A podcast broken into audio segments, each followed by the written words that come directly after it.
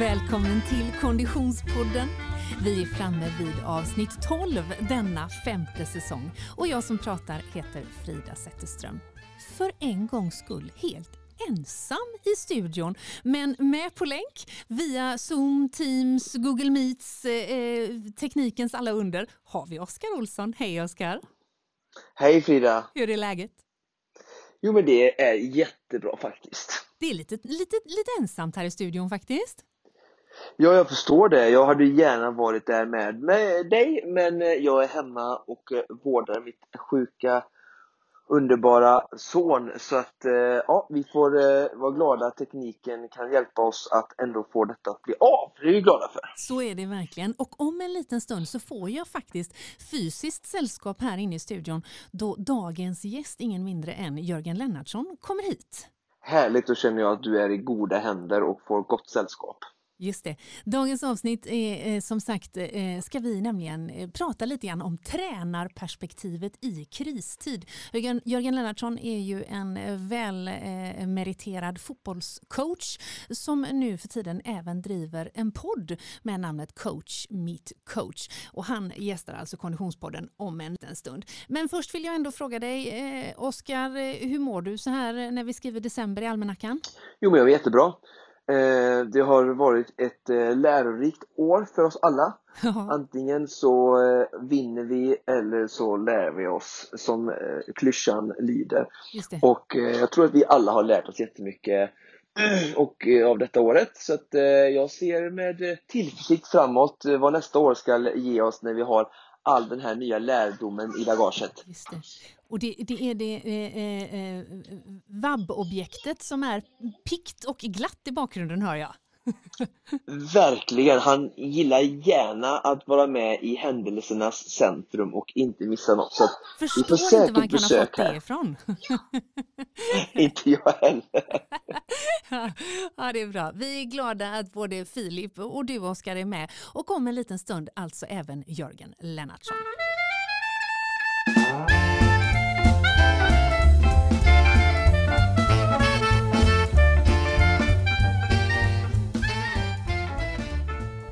Men som vi alla vet vid det här laget så är det utan poddpartner ingen podd. Och vi är så himla glada att vi har med oss Asics som partner under hela den här perioden. Men du, eh, Oskar, jag, jag, måste faktiskt på, på rent personligt ställa en fråga här. Jag, jag springer ju lite. Eh, ja med betoning på, på springer i, i, mitt liv och med betoning på lite i ditt liv. Nej jag skojar bara. Men jag kan ju inte undgå att notera att det är lite med livet som insats vissa eh, eh, morgonar nu när man ger sig ut och det ligger frost på vägen. Det är halt. Verkligen och eh, alltså det här är ju lite av den, den värsta perioden och vi har ju den här perioden, jag vet inte vad jag ska säga tyvärr, eh, men det är ju den värsta perioden på det sättet att när det blir sådär runt nollan och sen minus ett, två, det fryser på och många kör morgonträning till och från jobbet eller på eftermiddagen också kyler på. Så, så är det ju att det, det blir lite blött och så blir det precis ett där och det blir sån här eh, hal eh, ishinna på asfalten. Och det är oftast värre än om det är minus fem till exempel och eh, det har kommit lite snö eller lite frost. Då, då är det oftast lite mindre halt. Men det är just det här runt nollan. Det är ju samma sak när det gäller bilkörning. Um, så att, eh, då gäller det ju att ha rätt eh, skodon under fötterna för att eh, framförallt för att vi inte ska skada oss och inte kunna fortsätta träna på några veckor eller så om vi skadar oss och ramlar. Men framförallt för att vi ska också kunna springa ut löpsteget på ett bra sätt och vi ska kunna eh, ja, springa på ett bra sätt mm. eh, tekniskt. För annars springer vi ju lätt att bara och spänna oss. Och vad ska jag ha på fötterna då? För att eh, eh, helt ärligt, det är ju faktiskt, kan ju till och med jag konstatera, ljuvligt att springa när det är eh, just runt nollan och klar, hög, syrerik luft. Men, men jag är faktiskt lite, lite skrajsen och halka. Vad ska, vad ska jag ha för dojor? Vad ska jag ha i min Asics-garderob? Vad ska jag plocka fram? Jo, ja, alltså du ska ha ett par med dubbar helt enkelt. Det finns ju Eh, många skotillverkare nu. Och jag tror det här är ganska jag tycker det är ganska ovanlig sko för vi tänker att vi bara ska ha det egentligen när det är is och så, alltså det är riktig is. Och många människor springer ju inte alls i sådana förhållanden. Um, och um, Eh, men just för att det är ju eh, ja, du förstår, du springer i skogen och det kommer jättemycket is och, och snö, då, då, köper folk den här typen av dubbskor. Men de här skorna tycker jag vi verkligen ska använda på ehm, eh, alltså ky, kyld asfalt eller hal asfalt också för att det är verkligen bara av dem du kan få det riktiga greppet. Du kan inte ha ett par trailskor med bara gummi och springa på en, eh, en, en, en vanlig cykelbana som, som är frusen utan du behöver de här dubbarna som sitter fast i skon. Det finns sådana, jag har ju ett par Asics Gel Fujisetsu som jag har använt ett par år och eh, eh ja, de slits ju inte ut sådär jättelätt för att jag eh, använder dem bara när det är så här då, underkylt regn eller väldigt halt ute då. Eh, men okej, okay, så vad hette modellen sa du? Vilken är det jag ska kolla efter? Fujisetsu 2 eh, använder jag från Asics. Så att, eh, mm. eh, du kan ju googla runt lite kring det. Men det viktigaste är att du har skor med dubbar så att säga. Men det här är en jättebra modell eh, som jag använder. Och jag tror inte på det här med broddar. Nu kanske det är många som använder det och är jättenöjda med det och då ska de fortsätta med det. Men jag tror verkligen på att det blir en liten genväg att köpa broddar och sätta på på andra skor som du redan har. Eh, för då det glider runt och det, ja, så det, jag har inga bra erfarenhet av det. Och gillar du springa någorlunda sådär så tycker jag det är en relativt billig investering för att kunna springa eh, under hela vintern eh, här nere. Speciellt i södra Sverige, men ju även i hela Sverige när det blir sådär riktigt halt Just det. Ja, men det är bra. Så botanisera runt bland Asics eh, löpskosortiment och eh, välj en eh, vinterdoja med eh, riktiga dubbar helt enkelt. Så ska nog jag kunna fortsätta springa även när det blir minusgrader. Tack för det Asics. Och vi är ju också så himla glada att ha med oss våran poddpartner Polar under den här säsongen. Och vilken tävling vi har igång just nu, Oskar! Verkligen! Både väldigt fina priser på Polar och framförallt jättestort engagemang. Jättekul att så många är med och tävlar och det är ju så lite att vi känner att eh, hade önskat att vi hade ännu fler klockor att dela ut men eh, ja, ja, det blir två riktigt glada vinnare i alla fall och jättekul och tack för engagemanget.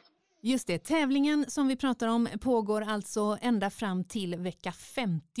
Eh, det du gör för att vara med och tävla om eh, en klocka från Polar, antingen en Unite-klocka från Polar eller en Grit X från Polar, eh, är att gå in på Instagram och så under vårat inlägg där det står väldigt tydligt tävling med Polar så deltar du genom att följa Konditionspodden och Polar Nordic och sen kommentera vilket klockslag på dygnet du helst tränar tränar och så tagga tre vänner som du eh, tror också skulle vilja vinna en ny träningsklocka.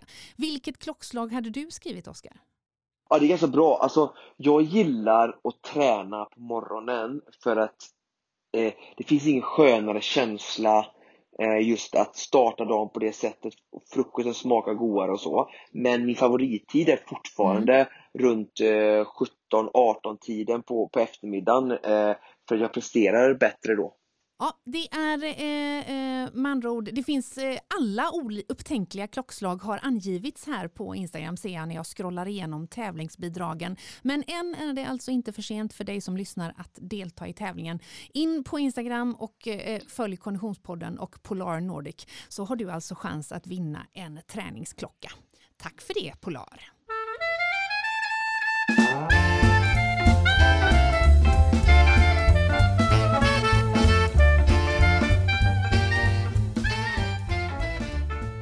Men du Oskar, vi har ju något att fira. Asså, det har jag missat. Va? Jag tycker vi alltid kan fira, men har vi något extra att fira? vi kan ju alltid fira, men just nu så måste vi ändå fira, kanske med en liten fanfar. Brum, bum, bum, bum. För vi har med Konditionspodden passerat 500 000 lyssningar. Vilken grej va? Bra! Ja, mycket, mycket bra.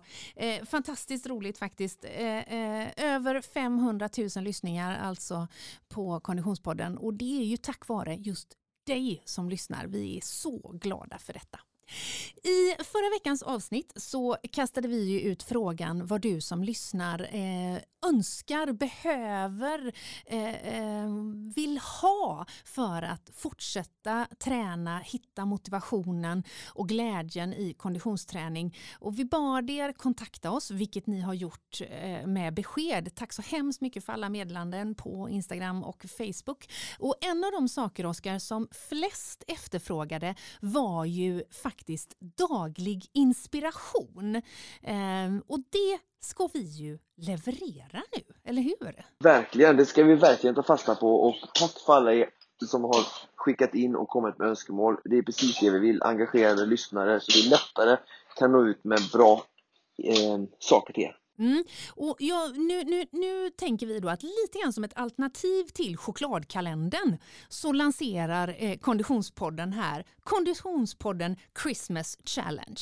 Eh, vi har ju redan tjuvstartat detta eftersom första december har passerat men varje dag under december månad så kommer vi på Instagram att presentera en utmaning. Vad kommer det exempelvis att kunna bestå av, Oskar? Ja, men eh, kullerbytta baklänges kanske?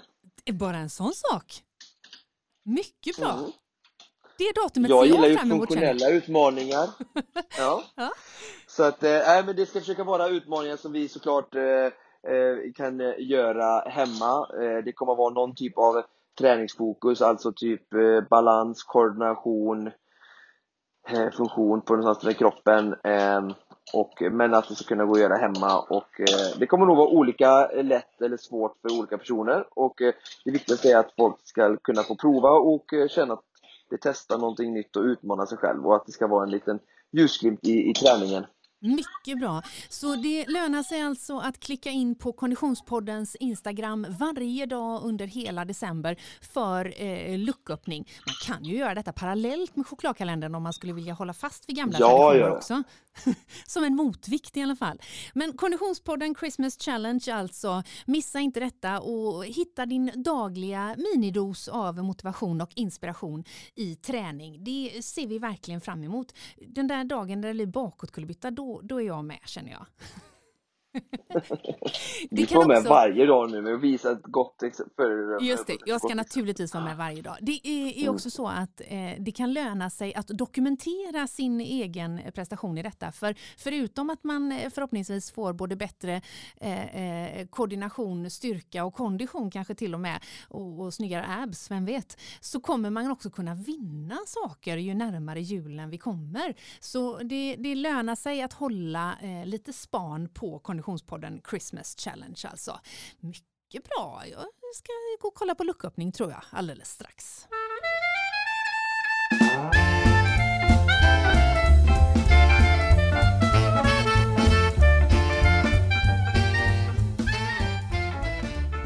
Och då har vi fått besök i studion. Hej och välkommen hem får man väl ändå säga till Jörgen Lennartsson. Tack så mycket.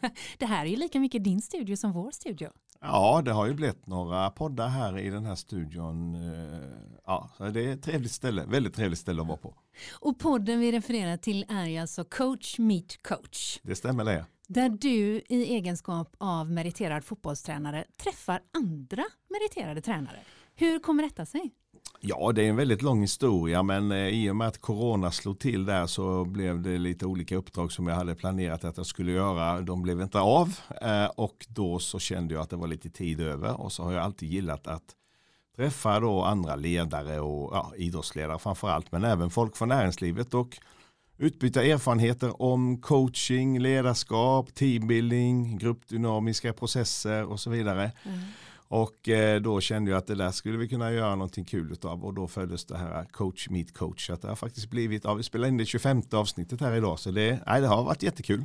Underbart. Om man inte har snubblat över denna podden innan, vad får man sig till livs om man klickar in eh, på någon av de 25 avsnitten? Om man klickar in på någon av de 25 avsnitten då, ja det finns ju på alla ställen där poddar finns då, och eh, då får man ett samtal mellan mig och en annan person som då eh, handlar om de här sakerna. Och det har ju varit allt ifrån ja, Roger Rönnberg, Rickard Grönborg från hockey, det har varit Sven Jan Eriksson, Tommy Söderberg, Stuart Baxter, Åge Hareide från fotboll, det har varit Kent Hultqvist, Ola Johansson från bandy, det har varit. Jugomir Vranjes, eh, Per Johansson, handboll och så vidare. Vi har väl haft en tio olika sporter ungefär, jag glömde säkert många där. Kalle Hageskog, tennis, förbundskapten för Davis Cup-laget och idrottsledarskapsprofessor oh som han är då Den fick du öva på ett tag. Universitetet i, i Växjö där. Eh, så att, ja.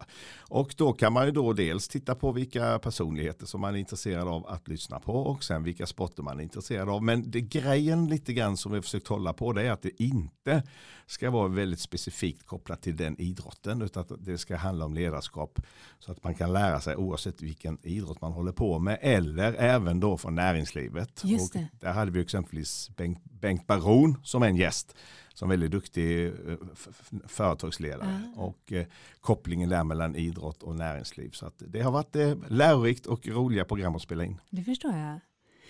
Har du haft någon konditions... Inget från swimrun eller triathlon? Har du haft någon konditionstränare eller från swimrun eller så innan? Eh, konditionstränare har jag väl inte haft på det sättet. Eh, däremot så har jag ju haft många eh, tränare som håller på med sporter där kondition är en viktig faktor. Om du skulle vilja ha en renodlad så har jag ett bra tips. Ja, okay. Han heter Oskar Olsson. Han heter Oskar Olsson. Ni, ni kanske kan klippa in det här samtalet in i er podd också och utbyta det du och jag pratar om här idag. Just det, precis. Oskar eh, jobbar ju, om, om, du kort ska förklara för Jörgen och eventuellt nytillkomna lyssnare till Konditionspodden din coachhistoria, eh, Oskar, hur låter den då? Ja, eh, det börjar väl med egentligen att jag la grunden kan man väl säga. Att det är bra att komma in på coach handlar väl om att vi hittar någonting vi brinner för. Och jag kom in på konditions, jag har spelat fotboll på, på hög nivå som, som barn och junior och ungdom och sen kom jag in på konditionsidrott i 20-årsåldern och hittade en eh, förkärleken till just uthållighetsidrott. Och sen ledde det personliga intresset till att jag även började studera det då, idrottsvetenskap och idrottsnutrition vid Göteborgs universitet. Så jag även fyllde mig med teoretisk kunskap och inte bara praktisk som är väldigt viktig eh, del såklart som, som coach. Men jag tycker också många ibland idag ser jag saknar den eh, teoretiska och forsknings baserade biten. Så att eh, efter jag hade samlat på mig de två så, så vågade jag mig att eh, ge mig ut och försöka hjälpa människor. Och eh, nu har jag, nu har jag eh, försökt att eh, de senaste ja, tio åren men snart är det väl, eh, att eh, bara hjälpa människor och grupper eh, utifrån där de befinner sig. Och eh, bara att eh, jobba mot sina mål, vad de än är. Så det är ju väldigt brett. Eh, och jag är väldigt tacksam att eh, att jag har fått jobba så brett eftersom jag, om det är en tränare, jag har ju varit fystränare åt till exempel då Pixbos A-lag, damer och herrar, som är en lagidrott som, som många av de idrotterna du nämnde alldeles nyss av dina besökare tillhör. Eh, men sen har jag även fått jobba mycket med individuella duktiga idrottare och, och väldigt brett med olika sporter på det olika sätt då just att ja, kanske min spetskompetens har varit liksom Eh, förebyggande styrka, eh, rörlighet och kondition då som komplement till de här eh, idrotterna. Det, Men, den ehm, coachadepten vi hör i bakgrunden är helt enkelt en, en förkyld son, eller hur? Ja, Superman eh, slash Spiderman går namnet idag. Men du Jörgen, eh, du eh, berättade ju om en mängd olika eh, coacher som du har haft förmånen att intervjua och jag misstänker att det har handlat om, om allt från framgång till, till utmaningar. Men det måste ju vara svårt att undvika rådande omständigheter när du intervjuar coacher som är aktiva idag, eller hur? Vi lever ju under speciella omständigheter. Eh, ja, det gör vi. Men faktum är att vi har ju pratat mer kan man säga om ledarskap och delar runt det eh, som är så att säga sånt som lever oavsett situation kan man säga. Mm. Vi har inte hamnat för mycket i eh, coronatider diskussioner allt för mycket eftersom vi vill att eh, samtalet ska så att säga, vara intressant för oavsett vilken idrott man håller på med och även vilken, vilken tid man är i eftersom det handlar då om ledarskap som ska vara om jämförbart på ja, olika sporter och för näringslivet och så vidare. Så vi har väl inte haft jättemycket coronasnack i poddarna. Det har vi inte haft, det kan jag inte påstå. Om, om, om vi skulle ändå uppehålla oss kring det en liten stund. För det, det som slår mig är att i rollen som coach så måste man ju ändå stå inför en eh, förhållandevis extrem utmaning just nu när det är så förändrade omständigheter. Jag tänker till exempel på att motivera sitt lag eh, när man spelar utan publik. Ja, eh, det är ju en säsong som inte är lik någon annan. Mm. Och det tror jag väl gäller både fotboll och handboll och hockey och ja, bandy och så vidare. Eh, fotbollen tror jag väl kanske och hockeyn är väl de allra största skillnaden är det lag som är vana vid att spela inför 10, 15, 20 tusen åskådare varje, varje helg. Då, där mm. det såklart blir extremt annorlunda. Vad skulle du säga att det gör med, med, med laget och, och med, med de individuella idrottarna? Det måste ju ta fram nya egenskaper och nya sidor. Eh, ja det gör det ju. Det så påverkar det ju såklart eh, energin mm. där du är van att eh, springa in i en fullsatt arena med ja, som sagt mellan kanske 5 och 25 000 åskådare. Eh, det påverkar den kraften och dynamiken som, som en publik driver fram i en, i en, i en match. Mm. Eh, det kan påverka eh, också aggressivitetsnivå ja. och närkamper, tacklingar, fysiska perspektiv på det sättet. Det kan, kan det ha positiva effekter? Eh, Ja, alltså det positiva effekten är ju i så fall för lag som kanske inte har så mycket publik. Där det, mm. konsekvenserna kanske blir lite mindre. Mm. Lag som är vana vid att spela inför tusen åskådare har ju kanske mindre effekt på sig än ett lag som är vana vid att ha 20 000 på sin hemmaplan. Mm. Så det har ju visat sig i resultaten att eh, de här hemmastarka lagen med mycket publik i ryggen på hemmaplan, de har ju haft svårare att ta lika mycket poäng på hemmaplan till exempel. Uh, men jag tycker egentligen det är svårt att säga att det finns något positivt med, med corona i fotboll. Så jag måste säga det. det har nästan bara negativa pers eh, perspektiv. Jag tänkte lite på när du sa just att det, det, det, påverkar olika. Det måste ju också påverka olika inom ett lag. Vissa spelare måste vara mer känsliga för det än andra, alltså mer publikdrivna kanske? Tänk att det är personlighetsdrag till viss del också? Eller? Ja, det kan säkert vara så att det kan påverka karaktärer som som, är så, så här, som har spelartyp och egenskaper som gör att de är kanske aggressiva mm. i, i, sin eh, utformning och exteriör och i sin spelstil. Eh, en spelare som kanske har en liten annan perspektiv på kanske små tekniska spelare som, som inte behöver ha upp samma adrenalin på samma sätt. Så mm. det kan väl finnas ett perspektiv där kanske. Eh, rent generellt så tycker jag nog att alla är förlorare på något sätt mm. ändå oavsett för att eh, Ja, det är ungefär så. Mm. Du känner igen det Oskar misstänker jag?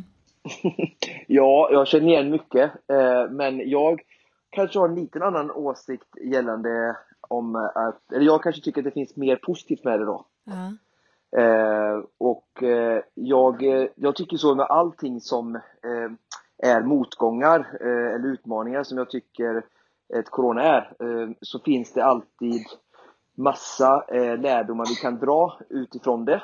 Mm. Eh, och en när det kommer till exempel till eh, idrott då, eller elitidrott som jag kan tycka då är ju så här att eh, att det kanske kan bli en möjlighet för idrottare att verkligen reflektera för vem gör jag det här för? Mm. För jag någonstans vill ju att allting vi människor gör ska verkligen göra för vi, vi brinner för det inifrån av passion och glädje. Och när det är mycket alltså pengar, publik och det är stora sporter och mycket sådana drivkrafter som försvinner och man, vi står där helt eh, kanske då nakna utan publik och med eh, helt andra, alltså motivationen och drivkraften måste verkligen eh, komma inifrån och, och varje individ sätts liksom verkligen på sin spets att, att eh, hitta det i sig själv och då kanske fråga sig, är, är, vill jag verkligen detta? Alltså, får vi en möjlighet i allt detta? Och det är samma sak som vi bara kan ta till samhället, en jämförelse som samma sak att nu får vi inte åka till Thailand, vi får inte åka de här sakerna, det finns massa saker, vi får inte umgås på samma sätt som vi är vana vid. Då får vi verkligen liksom stanna upp i livet och känna efter vad är det som verkligen betyder någonting för oss. Och det kan jag tycka är något positivt med Corona, att vi människor tvingas in i de här frågeställningarna. För att när det är sen vi har överkommit detta och kommit tillbaka till ett mer liv som vi var innan, även om aldrig kanske allting blir exakt likadant så kommer vi, jag är helt övertygad om vi kommer tillbaka till ett mer normalt samhälle som vi hade innan. Då kanske hoppas jag att vi har reflekterat över de här sakerna som kanske är lätt att glömma bort när allting bara rullar på. Mm, mm. Ehm, så det, det kan jag tycka är positivt med Corona på massa olika sätt. Då. Jag väljer att se det så. Sen så har jag full respekt för allt det tuffa såklart. Jag är själv entreprenör och ska stänga mitt eh, center och det är många som har jättesvårt de här tiderna. Men jag vägrar att inte se det positiva som det ändå lär mig och mänskligheten också. Nej, men jag, jag kan hålla med dig till viss del, en del av de här sakerna. Det är ju så att det finns två sidor av myntet alltid. På alla saker, alltid. Sen är det väl så att den eh, sidan som innehåller positiva saker runt coronan i förhållande till den andra sidan är väldigt, väldigt liten. Mm. Sen är det så att eh, människor är ju vanemänniskor och eh, det, den, man är anpassnings, man tvingas anpassa sig och det är ju många som har tvingats anpassa sig på olika sätt såklart till corona och, och så vidare. Jag tror väl att om tre år när allt är i normala rullorna igen så är det väl risken för att de eventuella läringseffekterna som beteendet eh, har krävt eh, att corona har drivit fram de är bortglömda för länge sedan vid den tidpunkten. Men absolut att det kan finnas vissa perspektiv mm. på att man kan få, få perspektiv på, på andra saker. Men i det stora hela är det väldigt svårt att se att det ska vara det är väldigt små, små procent som det känns för fotbollen positivt. Vi, vi, vi eh, Oskar och jag eh, pratar ju väldigt mycket om motivation, anledningen till att man tränar, vad driver människor till att ta hand om sin hälsa, att prestera, att utmana sig själv. Um, och, och, det är klart att inom den idrottsnivån och framförallt inriktning som du mestadels har rört dig så är det ju väldigt prestationsbaserat. Det är tabeller, det är eh, serier, det är kupper, det är matcher. Det är resultatinriktat i mångt och mycket. Ja, det är ju ett jobb mer kan man säga. Ja, det är ett jobb för dig mm. men även för de som utövar ja, är absolut. det ju väldigt ja. resultatinriktat. Um, hur ser du på tränarens roll i det krisläge vi befinner oss nu för att just skapa motivation under förändrade liksom, omständigheter? Eh, tränaren och även övriga ledare i, i, runt laget och inte minst i föreningarna har ju en otroligt viktig roll att så att säga inte eh, hamna i ett destruktivt negativt eh, läge. Mm. Varken med sin kommunikation eller med sitt kroppsspråk. Utan det gäller att hitta, precis som kanske Oskar var inne på lite här, det gäller att hitta de här nycklarna som eh, ändå man kan hitta i form av att det handlar om att Eh, här, göra de sakerna som krävs där och då mm. och försöka hitta de sakerna som kan vara positiva i det hela och sen så måla upp, det finns ju så här mycket med, med gruppdynamik, med laganda, med, med föreningskultur och så vidare där man kan så här, visa att man ska kunna stå fram på ett bra sätt.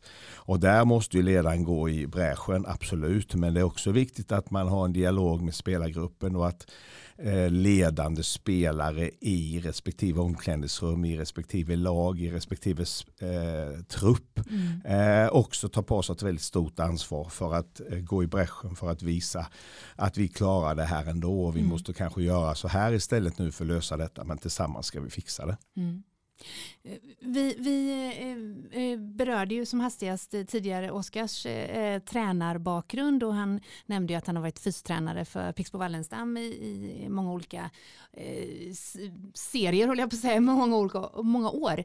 Eh, och, och, just jag tänker fystränarrollen eh, måste ju i mångt och mycket handla om motivation även utan coronakris. Det vill säga det är ju en, en, en, en tränarroll som är, som är viktig både även i försäsong och i, i, eh, i kanske de lite mer otacksamma lägena när det inte bara är direkt eh, i, i matchrelaterat. Där måste ju motivationen vara oerhört eh, viktig? Eh, ja, alltså motivationen är ju alltid jätteviktig i allting. Och speciellt viktig är det ju när det är uppe på den översta eliten. För att då är det så små skillnader mellan vinst och förlust. vad det gäller fysträningsdelen så är det såklart en, en, en, en, en del i en fystränares eh, eh, uppgift är ju också att kunna på ett pedagogiskt och bra sätt förklara för spelarna varför man gör si och så mm. och vad det blir för konsekvenser om man inte gör det och vad det blir för konsekvenser om man gör det. Men jag vill väl kanske lägga det här kanske mer i ett helhetspacke, att hela atmosfären, kulturen, eh, det som man driver fram, den eh, så säga, miljön som man skapar i en grupp, i en mm. klubb, i ett omklädningsrum, att den på något sätt är på en sån hög eh, motivationsnivå och med en sån drivkraft att det inte är så att motivationen är hög eller lägre beroende på om man tränar det eller det. Mm. Så att det, eh, fysen är som en naturlig, väldigt viktig del för en fotbollstränares utveckling. Sen är det kanske lite roligare att göra vissa saker med bollen än vad det kanske är att ha ett tufft löppass. Men, men varje sak så att säga, har en väldigt viktig del i helheten. Mm, mm. Men självklart så, så tror jag att, att en fystränare måste kunna klara av det här med motivation och pedagogik och förklara eh, på olika sätt varför spelare ska göra sil och så. Det är en väldigt viktig roll. Mm. Vad, vad tänker du Oskar när du hör Jörgen? Eh, jag tänker att han har helt rätt i den, det, det sättet eh, kring pedagogik såklart. Eh, och som sagt, Jörgen, du kommer nog under det här samtalet få, få leva med att jag är den obotliga optimisten. och jag väljer återigen då att se, som om jag har en grupp, eller jag har ju då individuella, alltså individer, enskilda individer ska jag säga, som jag hjälper nu. Och eh, då säger jag så här, det är perfekt. Det är helt perfekt detta. För att nu får vi tid att öva och lyfta de sakerna som vi aldrig hinner, hinner eh, eller med annars. Mm. Eh, när säsongen är full, tävling är igång. Så vi går in, bryter ner teknikaspekter, styrke, jobbar mycket mer i gymmet än vad vi kan. Precis samma sätt som jag tänker att ja, men nu är det inga matcher här på 12 veckor vad, liksom, vad konkurrenterna gör nu, de sitter hemma och pillar naveln, de kämpar med att liksom hålla igång. Nu ska vi ta den här tiden att verkligen utnyttja den och komma ut och vara ännu starkare och bättre när väl matcherna, tävlingarna kommer igång igen. Mm. Eh, så att jag ser det bara då, försöker bara vända om det till en fördel och istället för att sitta och gnälla och, och, och prata och hänga på sociala medier och, och kasta glåpord åt regeringar och folkhälsomyndigheter att det här är så kast och låt oss spela och tävla. Alltså, de sakerna är mycket svårare. Jag försöker alltid leva i den devisen att försöka eh, fokusera på det jag kan på, påverka. Mm. Det är bra. Det, det, som är skillnaden här, det som är skillnaden är ju om man pratar om corona under serien. Mm. För det är ju en sak, att hur du jobbar under serien när du ska vinna matcher hela tiden och spela väldigt mycket matcher under kort tid. Eh, och med de avstängningar, eller inte avstängningar men alltså spelare som, som, som, som måste i karantän och vad det mm. påverkar truppen och så vidare. Eh, det är ju en sak av coronacaset. En annan sak är ju det som du kanske nämnde här nu, den vill säga försäsongen då. Ja. Som ju då blev på ett helt annat sätt. Eh, och där vet jag exempelvis jag försökte spela in på det lite med motivationen där som Frida ja. var inne på. Och hitta synsätt eh, och från olika, ja. ja. Men där vet exempelvis en sån klubb som IFK Norrköping som då hade en hel del nya spelare och så vidare i sitt lag. Mm. De kände väl kanske att den, den normala försäsongen inte riktigt till riktigt för att de skulle kunna träna på så mycket som de egentligen behövde träna på för att de var, skulle vara klara till den normala seriestarten. Men de fick då x antal veckor extra mm. som gjorde att de då kom in sen då på ett helt annat sätt bättre förberedda och hade en otroligt bra vårsäsong på, på, på allsvenskan där. Så mm, eh, jag är med på allting det som du säger utifrån att man kan använda den tiden på ett annat sätt när det då blir en väldigt, väldigt lång försäsong. Och att det då kan finnas en positiv del med det. Även om nackdelarna är mycket, mycket större. När då, däremot säsongen har börjat, då blir det ju en enormt massa problematik runt det här med att man inte har sina spelare tillgängliga. Det ska vara massa mm. spelare som ska in i karantän och så vidare. Som är klart är ett stora störningsmoment i egentligen hela packen. Mm. Inte minst i det fysiologiska träningen. Såklart, såklart. Just corona är ju en kris som, som eh, trots allt drabbar alla. Och även om om den inte drabbar alla samma. För det är precis som du säger, vissa lag är ju hårt drabbade av, av spelare som har blivit sjuka och, och i vissa fall även eh, tränare som har fått träna eller coacha på, på, på distans eh, efter att ha påvisat positiva resultat. Eh, men, men det är ju ändå en, en kris som, som slår över hela landet, hela serien, hela idrotten. Jag tänker i din roll som tränare så måste du ha varit coach i krissammanhang tidigare som inte har med corona att göra. Jag tänker till exempel på om det har gått exceptionellt dåligt och man har tappat mycket poäng eller liknande. Vad är det för egenskaper hos dig som coach som du behöver plocka fram då för att motivera och inspirera ett lag i kris? Mm. Det är en väldigt bra fråga. Eh, till att börja med så handlar det om att, att eh, ledaren aldrig skyller ifrån sig. Mm. Tar på sig hundraprocentigt ansvar för verksamheten. Det är nummer ett. Nummer två är att du måste jobba väldigt hårt med att hålla ihop din ledargrupp. Mm. Så att ledargruppen är väldigt samspråkiga mot spelargruppen. Det är alltid viktigt, men det är extra viktigt i motgång. För då kan det vara lätt att någon seglar iväg och hamnar på någon annan nu.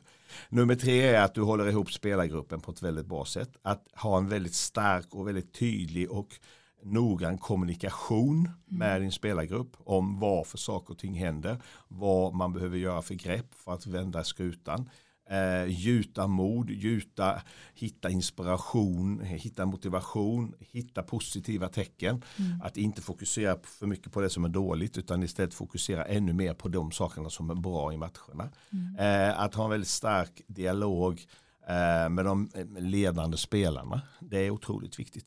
Men sen är det så att i fotboll, speciellt i stora klubbar, så har du väldigt mycket saker runt omkring som påverkar. Du har supportrar, du har sponsorer, du har massmedia som eh, lägger tryck, som påverkar, som har åsikter. Sociala medier är ju oftast eh, en stor fiende för en tränare, egentligen både i framgång och motgång. Mm. Eh, och det gäller att tackla det på ett bra sätt och där kommer ju då klubbledningen in. Mm. Hur klubbledningen hanterar detta, vilken stöd, vilken support, eh, vilken känsla av delaktighet i motgång ger klubbledningen. Jag tänker på klubb, sportchef, klubbdirektör, styrelse och så vidare.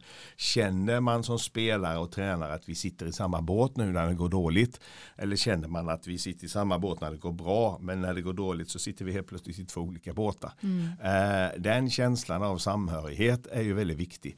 Och där är ju tränaren beroende av att du har människor ovanför dig som mm. agerar på det sättet som gör att du ska kunna vända den skutan. Och det är ju fallet i vissa situationer så. Och dessvärre är det ju fallet tyvärr det motsatta mm. också i många sådana situationer också. I, i elitidrott på högsta nivå i ja, fotboll och hockey till exempel. Mm, mm. Du Jörgen, du, du befinner dig ju eh, så att säga mellan klubbar just nu. Kan vi kalla det. Ja. Kan vi kalla det va? Eh, hur mycket eh, saknar du det aktiva coachandet? Nej, det saknar jag väldigt mycket eh, eftersom det är det som jag har hållit på med 30 år och man gillar eh, åka till träning varje dag, man gillar att träffa eh, spelarna varje dag, man gillar att sitta och ta en kaffe och köta med de andra ledarna om hur man ska göra, man gillar matcherna, man gillar när det är mycket publik, när det står mycket på spel, när det är mycket matcher som betyder mycket och så vidare, mycket folk, mycket press och uppmärksamhet, när det är den typen av situationer, det är då man triggas igång ordentligt och det är det som man gillar mest av allt. Så att det saknar man absolut. Samtidigt så är det ju så att den här säsongen är väldigt konstig och det är klart att rent generellt så, så har det ju skapat en situation. Nu har vi inte pratat överhuvudtaget om ekonomi här. Nej. Men i elitidrott så är ekonomi en väldigt viktig faktor. Ja. Eh, dessvärre. Och det är klart att den ekonomiska smällen som, som elitidrotten har fått känna på här nu med noll åskådare på matcherna under en hel säsong. Ah. Det är klart att den kommer sätta sina spår i eh, verksamheten. Eh, och det, ja, om man ska gå på Oskars tes här då så får man försöka eh, hitta någon form av eh, del där man kan säga okej okay, vi kan bli bättre på att använda varje krona på rätt sätt istället. Vi mm. måste titta på verkningsgraden.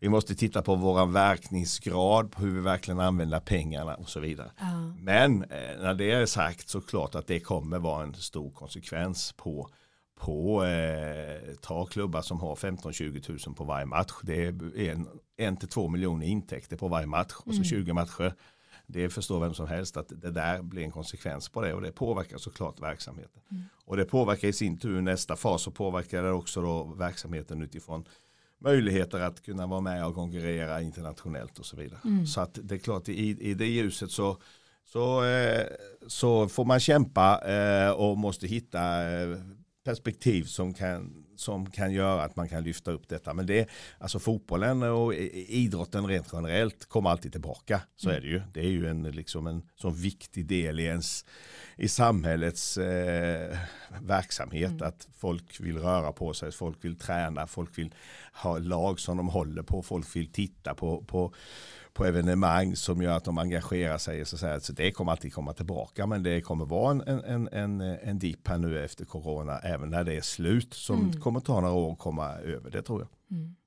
Det är fotboll och boomerang som alltid kommer tillbaka. Fotboll och boomerang kommer alltid tillbaka. Ja, även alla andra sporter ja, också. Ja. Du, eh, eh, hur kommer det att se ut för dig framöver då? Vad, vad sats, om du fick drömma fritt, vad, vad, vad landar du då någonstans?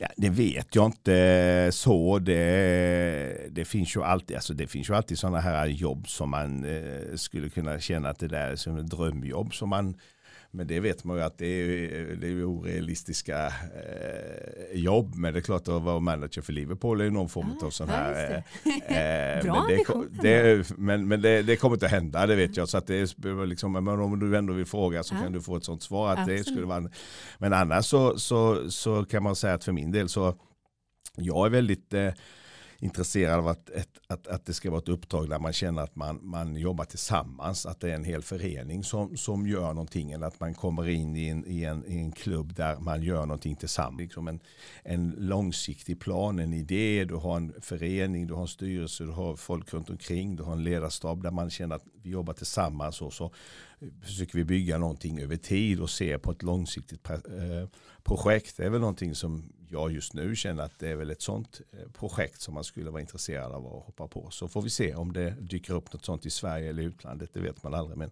just nu är det väldigt, väldigt kul att köra coach mitt coach-podden för det har varit väldigt lärorikt. Men, men eh, man vet aldrig. Och sen är det ju också så att i, i, i, i fotboll så har det ju blivit en eh, en väldans massa experter inom olika områden. Då. Mm. nu pratar vi om fys här och så vidare och det har ju blivit också att det har svält med väldigt mycket eh, Eh, fackexperter inom sina områden. Och där har du fått en väldigt, väldigt viktig roll nu idag som ledare. Att du är inte bara ledare för spelarna utan du är också ledare för de andra ledarna. Och att hålla samman det och att ge varje så säga, eh, område sin del av kakan, mm. varken mindre eller mer än vad som är bäst för helheten. Mm. Det har blivit en väldigt, väldigt viktig del för en tränare idag. Man är lika mycket organisationskonsult som fotbollscoach? Ja, kanske inte konsult är rätt ord, men eh, ja, lite åt det hållet. Mm. Det är väldigt viktigt att, att alla pusselbitar i, ett, i en verksamhet får tillräckligt mycket men heller inte för mycket för varje liksom, del vill ha sitt så att säga. Och där måste du hålla ihop det så att helheten blir så bra som möjligt. Det har blivit en väldigt, väldigt viktig roll idag i en elittränare på, på högsta nivå. Mm. Just nu är vi väldigt glada att du lägger mycket fokus på poddpusslet. Ja. Faktiskt. Så att vi som eh, eh, poddfantaster får ta del av dig och dina gäster. Blir man mer intresserad av att höra mer av Jörgen Lennartsson så eh, letar man alltså upp podden Coach Meet Coach. Vem var det du hade som gäst eh, nu i veckan? Eh, nu nästa program här så kommer Ola Johansson, eh, bandylegend, 23 SM-finaler som spelare och ledare i bandy vann fem raka SM-guld med Edsbyn som tränare. Eh, han är väl den som står på tur närmast och sen efter det i pipelinen så har vi Stefan Lövgren. Mm. Eh, legendarisk eh, kapten i RIK, Kiel och inte minst handbollslandslaget. Med enorm erfarenhet av ledarskap som spelare från olika nivåer. Så det ska bli kul att prata med Stefan också. Mm, får vi sätta bock på lyssning på det Oskar? Verkligen. Tack så hemskt mycket Jörgen Lennartsson för att du gästar Konditionspodden. Tack själv, vad kul att vara här.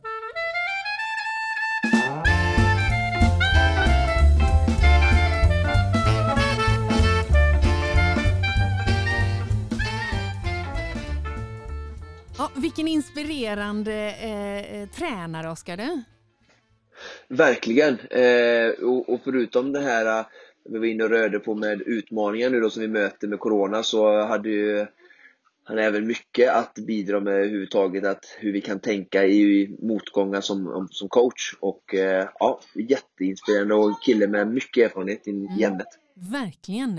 Eh, eh, kul med ett nytt poddtips också. Coach meet coach får man lyssna på när man är klar med Konditionspodden. Men du Oskar, det här var allt vi hade att bjuda på för det här avsnittet. Nästa vecka är vi såklart tillbaka, precis som vanligt. Och då ska jag få hjälp med min axel, eller hur? Verkligen, då får vi en naprapatexperthjälp som eh, ska försöka guida eh, oss och lyssnarna eh, genom vad som är vanliga skador, utmaningar, svagheter hos konditionsidrottare och vad vi kan göra för små enkla saker hemma för att försöka bli så friska och starka som möjligt. Perfekt. Det blir alltså nästa avsnitt av Konditionspodden. Men det här var allt vi hade att bjuda på för den här veckan. Precis som vanligt produceras Konditionspodden av Fredag. Connect Brands with People.